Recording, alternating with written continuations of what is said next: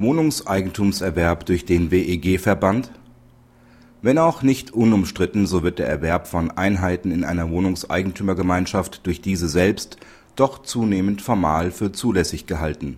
Der Erwerb muss freilich den Grundsätzen ordnungsgemäßer Verwaltung entsprechen.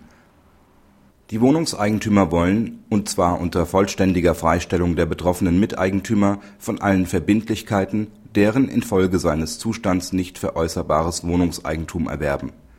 Das OLG hebt den relevanten Beschluss auf, weil er nicht den Grundsätzen einer ordnungsmäßigen Verwaltung entspricht, was nur dann der Fall ist, wenn der Erwerb dem ordnungsmäßigen Zusammenleben der Wohnungseigentümer dienlich oder nützlich ist. Das muss anhand objektiver Kriterien im Einzelfall betrachtet werden. Zweckmäßigkeitsgesichtspunkte alleine reichen nicht aus.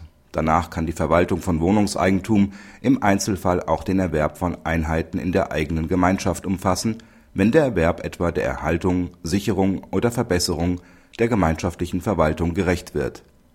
Vorliegend sollen die wertlosen Einheiten jedoch dauerhaft im Eigentum des Verbands bleiben. Damit müssen die Gemeinschaftsmitglieder mit einer ständigen Mehrbelastung rechnen, weil wirtschaftlich die auf die erworbenen Einheiten entfallenden Kosten von den Miteigentümern zu tragen sind dem steht keine adäquate Gegenleistung gegenüber. Dem Willen, zahlungsunfähige Personen aus der Gemeinschaft zu entfernen, kommt keine Bedeutung zu.